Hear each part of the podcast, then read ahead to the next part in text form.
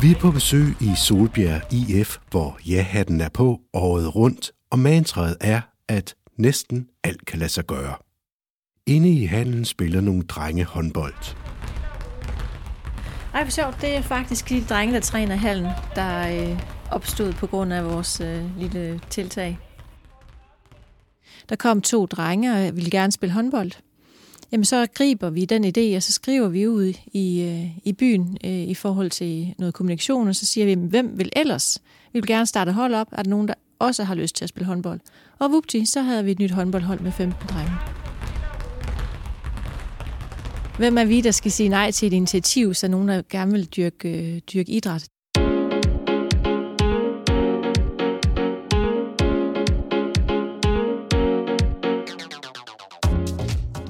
Velkommen til en podcast fra DGI, hvor vi stiller spørgsmålet, hvordan skaber man en inkluderende og rummelig forening?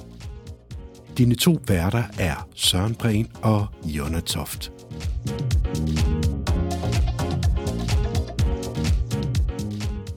Det var Christina Hornum, du hørte i starten.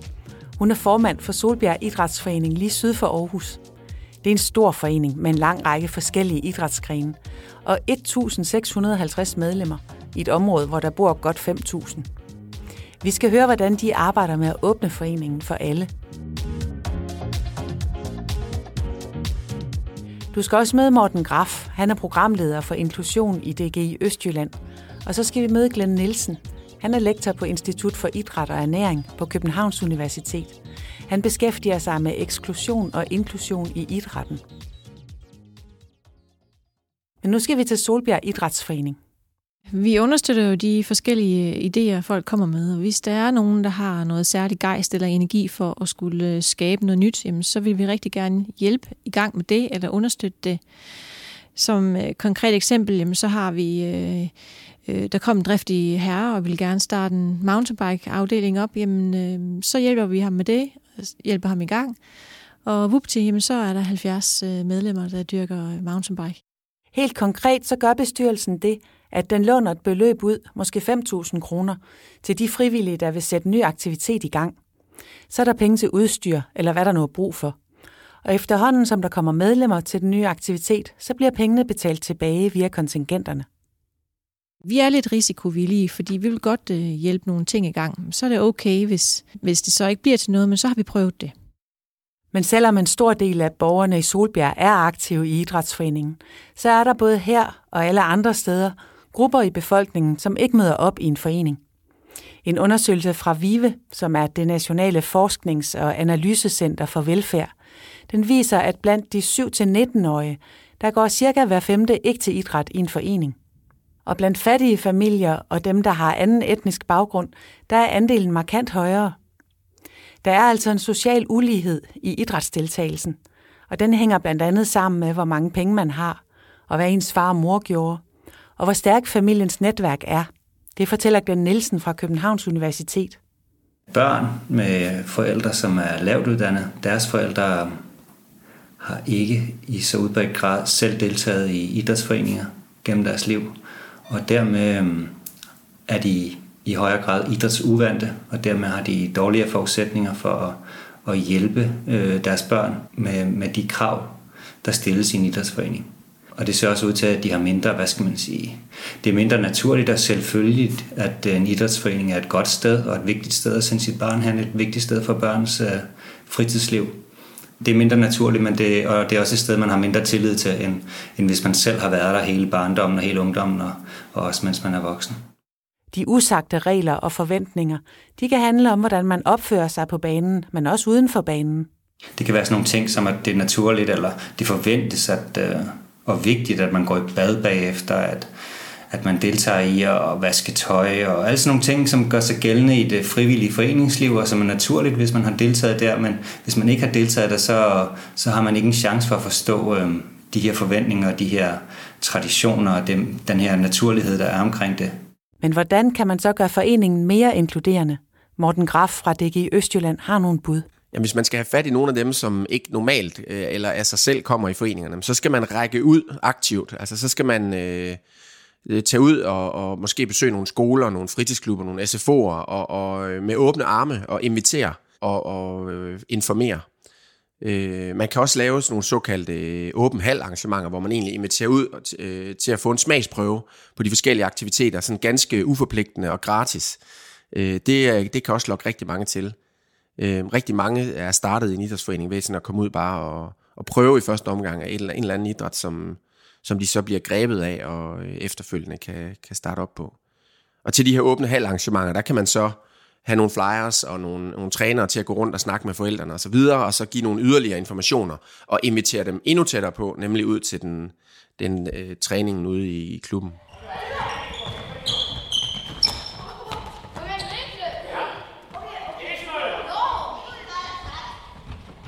Vi har lavet et samarbejde med skolen netop for at introducere de børn, der går i SFO, til forskellige ting.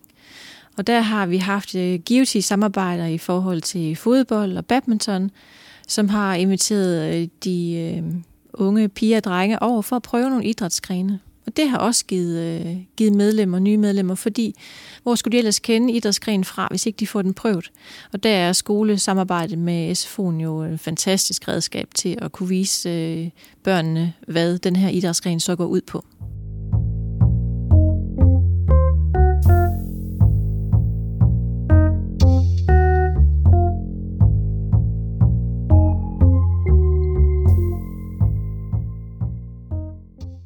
For nogle øh, børn og unge kan det være øh, svært at komme første gang i en forening, fordi de er rigtig meget på udebanen og ikke har, har prøvet det før. Og de kender ikke øh, spillereglerne og, og, og hvad der er på spil derude. Så det her med, at foreningerne kommer dem i møde og kommer ind på deres banehalvdel, hvor de er i trygge omgivelser, og at det er der, man sådan starter øh, forholdet, kan man sige, øh, det giver nogle åbninger øh, hos den her gruppe af, af børn. Men det, at man er nybegynder, det kan være en barriere for at starte på idræt. Som regel er holdene i en forening delt ind efter aldersgrupper og ikke efter niveau. Og det betyder, at selvom du er begynder, så kan du godt komme på hold med nogen, der har spillet i mange år. Her Morten Graf. Ja, altså det kan jo være svært, hvis man ikke har erfaring med, med en idræt, og så komme ind i sådan en lidt sen alder øh, og, og være dårligere til idrætten end alle de andre. Det er en kæmpe udfordring for foreningerne, det her med, med at have nogle sene starter, fordi de kommer ud på holdene og oplever, at de er de dårligste til stort set det hele. Øhm, når man har oplevet det, så er det ikke sikkert, at man har lyst til at komme igen. Derfor er mit råd, det vil være til foreningerne, og til at, at, at have sådan nogle såkaldte senstarterhold, hvor man har øh, lavet altså begynderhold på alle alderstrin, således at man kan, man kan selv, om man er øh, helt øh, ny og uprøvet i den her idrætsdisciplin, kan komme ind og egentlig at være med på et niveau, hvor man ikke bliver øh, fuldstændig øh, kørt over første gang, man er til træning. Jeg ved godt, at det, man bliver ved med at sige, at idrætten er åben for alle, og det er den også formelt, men det er ikke sådan, det føles for de her scenestarter. Det, det ved vi fra interview. Selvom de meget gerne vil med, så føler de sig ikke uh, velkommen. Uh, de tolker ikke sig selv som velkommen, fordi at de ikke kan uh, bidrage til det, det hele handler om, nemlig konkurrence. Nogle idrætsgren egner sig rigtig godt til unge eller voksne begyndere, fordi de færreste har prøvet dem som barn. Det kunne for eksempel være kampidræt eller crossfit eller floorball. Floorball er det nyeste skud på stammen, vi har i forhold til idræt.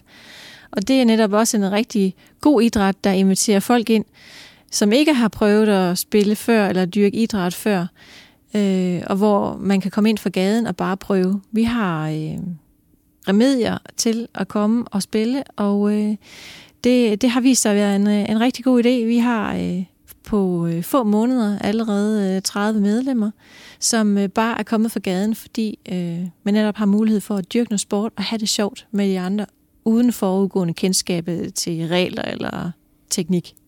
Er der så noget, man skal være særligt opmærksom på i forhold til de nye medlemmer? Jeg spurgte Morten Graf. Det her med at lave, øh, lave lege og lave øvelser, hvor man ikke øh, taber og vinder osv., det er, det er sådan en god... Øh, tryg måde for nye at indgå i det her fællesskab på. Hvis man hele tiden har fokus på øh, at tabe og vinde og, og glemmer lejen, jamen så er der måske nogle af dem, der lige starter, som oplever, at de lidt for tit taber og, og, og, har, og ikke har det øh, så sjovt, som de troede, de skulle have under, øh, i, i træningen, at, at de stopper igen. Når man er ny i en forening, så, øh, så skal det være sjovt, og det skal være trygt vi, vi snakker meget om i øjeblikket det her med at have ritualer. Altså det er rigtig godt i forhold til at styrke et fællesskab, at man har nogle, nogle ritualer, der skaber tryghed. Og det kunne for eksempel være ritualer, hvor man byder velkommen hver gang og sætter sig ned i en rundkreds og, og lige samles, inden træningen går i gang. Og det samme også ved afslutning på en træning, at man lige har en eller anden form for, farvelritual. Øhm, det, det er en god måde at tage imod og, og sige farvel på efter, efter hver træningsgang, og som giver noget, noget tryghed og noget ro til sådan et fællesskab. Men hvad er det, der giver motivation til at fortsætte med at dyrke idræt? Ifølge Glenn Nielsen så viser forskningen, at det er ikke konkurrence. Altså det, at sporten handler om at vinde. Der er noget andet på spil. Det, der gør en aktivitet i hvert fald motiverende i sig selv, og som er den stærkeste motivationsfaktor, det er, at, øh, at man, når man deltager, så oplever man øh, sig selv som kompetent, at man kan noget. Øh, man oplever også positive øh, sociale relationer. Og den sidste øh, oplevelse, som er vigtig for, at en aktivitet er en god oplevelse, og dermed motiverende, det er, at man har en eller anden form for, for medbestemmelse. Øhm, og der er det bare sådan, at øhm, hvis fokus alene er på at vinde over de andre, øh, så går det for det første ud over øh, de sociale relationer på holdet. Der bliver for mange øh, interne stridigheder. Det går også ud over øh, chancen for, at man kan opleve sig selv som kompetent, fordi man kan ikke vinde hver gang. Og der, der viser forskningen, det der er vigtigt, det er, at der er fokus på, øhm, man kalder det opgaveorientering. Altså det der med selve opgaven i aktiviteten, blive bedre med nogle konkrete ting, øhm, selve indsatsen, selve den personlige udvikling og selve processen. Det er virkelig, det er virkelig vigtigt øh, for alle atleters, alle idrætsdeltagers øh, motivation, også på topniveau.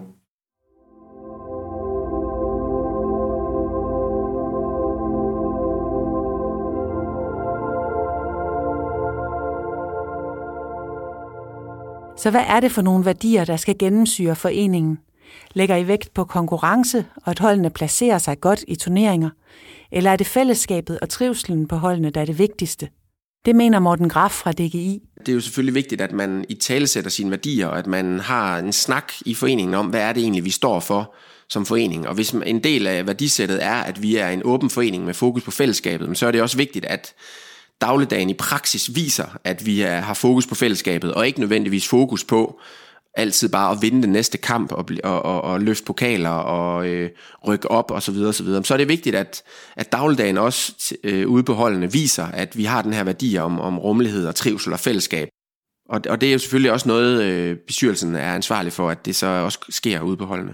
Og værdierne, de skal kunne ses af alle dem, der ikke er med i foreningen endnu det er jo også super vigtigt, hvad er det, man som forening signalerer? Altså, hvad er det for nogle øh, artikler, og hvad er det for nogle billeder, man viser på hjemmesiden, og hvad er, hvad er det, der hænger på opslagstavlen nede i klubhuset? Er det bare øh, resultat, øh, stillingerne fra alle øh, holdenes kampe, eller er det øh, billeder af glade børn, der giver krammer og, og har det sjovt? Det er jo især vigtigt for, øh, for nybegynderne, kan man sige. Hvis, hvis, hvis, det er det, der, øh, hvis de kan fornemme, at det er det, der tæller allermest, det er at vinde, så er det måske lidt skræmmende at komme ind og være den dårligste på holdet, og øh, så har man måske ikke så meget lyst til at, til at bidrage, fordi man, man har i virkeligheden ikke så meget at bidrage med, hvis det er det, det handler om. Men hvis det handler om at, at have det sjovt og hygge sig i et godt fællesskab, men så øh, gør det ikke noget, at man ikke er så dygtig til at spille fodbold eller håndbold, men øh, så kan man sagtens bidrage ind i et fællesskab, selvom man ikke er så dygtig.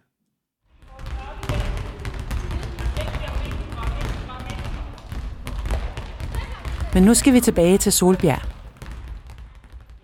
Vores by har udviklet sig utrolig meget de sidste øh, 10 år. Og øh, i den forbindelse, der er der kommet nye øh, mennesker til byen, og øh, det er jo en øh, meget naturlig indgangsvinkel for nye at komme i gang med at lære nogen at kende og få et øh, godt netværk, det er at melde sig ind i en idrætsforening.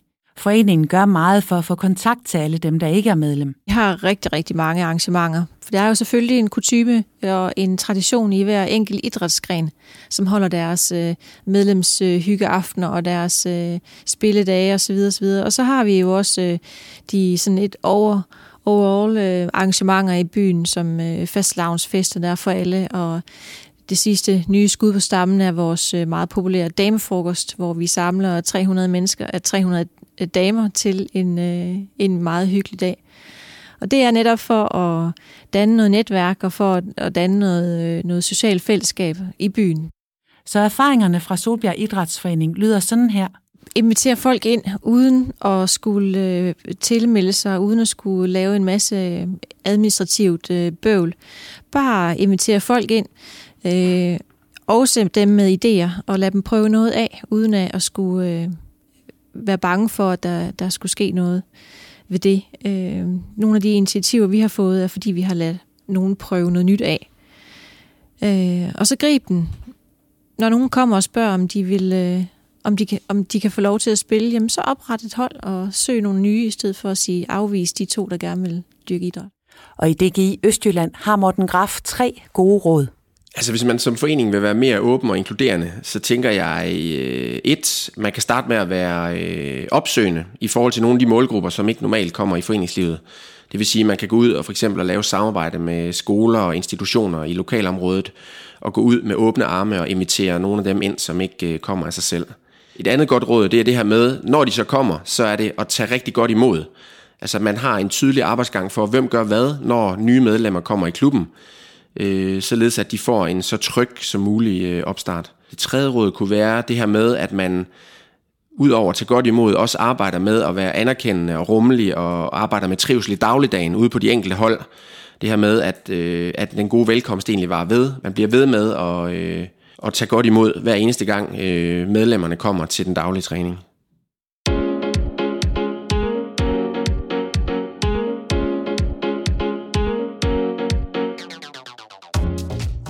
Det var, hvad vi havde at byde på i denne podcast fra DGI om, hvordan man skaber en inkluderende og rummelig forening.